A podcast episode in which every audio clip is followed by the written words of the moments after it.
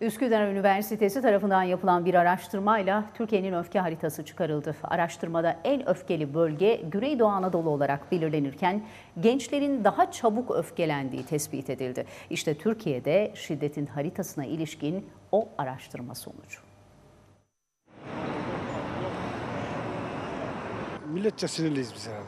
Tepkimizi ani gösteren bir milletiz. Genel olarak toplum olarak sinirliyiz tabii. Çünkü hem ekonomik şartlardan dolayı insanlar gergin. Yan baksan hemen tepki gösteriyorlar. Türkiye'nin öfke haritası açıklandı. Üsküdar Üniversitesi klinik psikoloji öğrencileri tarafından gerçekleştirilen araştırmada 81 ilden 25 bin kişiyle yüz yüze görüşme gerçekleştirildi.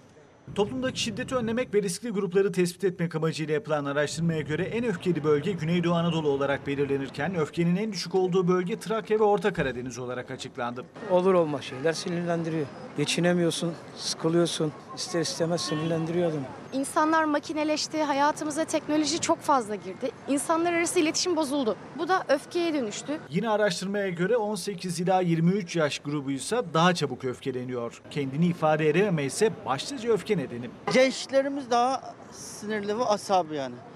Üniversiteden yeni mezun oldum. Abim keza öyle Yıldız Teknik Üniversitesi'nden mezun oldu. İkimiz de şu anda işsiz evde oturuyoruz.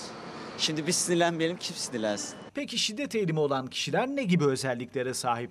Bu tarz kişilerde sinirlilik hali, çok kolay kızıp öfkelenme, birini dövme isteği gibi davranışlar görülüyor. Bu da kadına, hayvana ve çocuğa olan şiddeti getiriyor.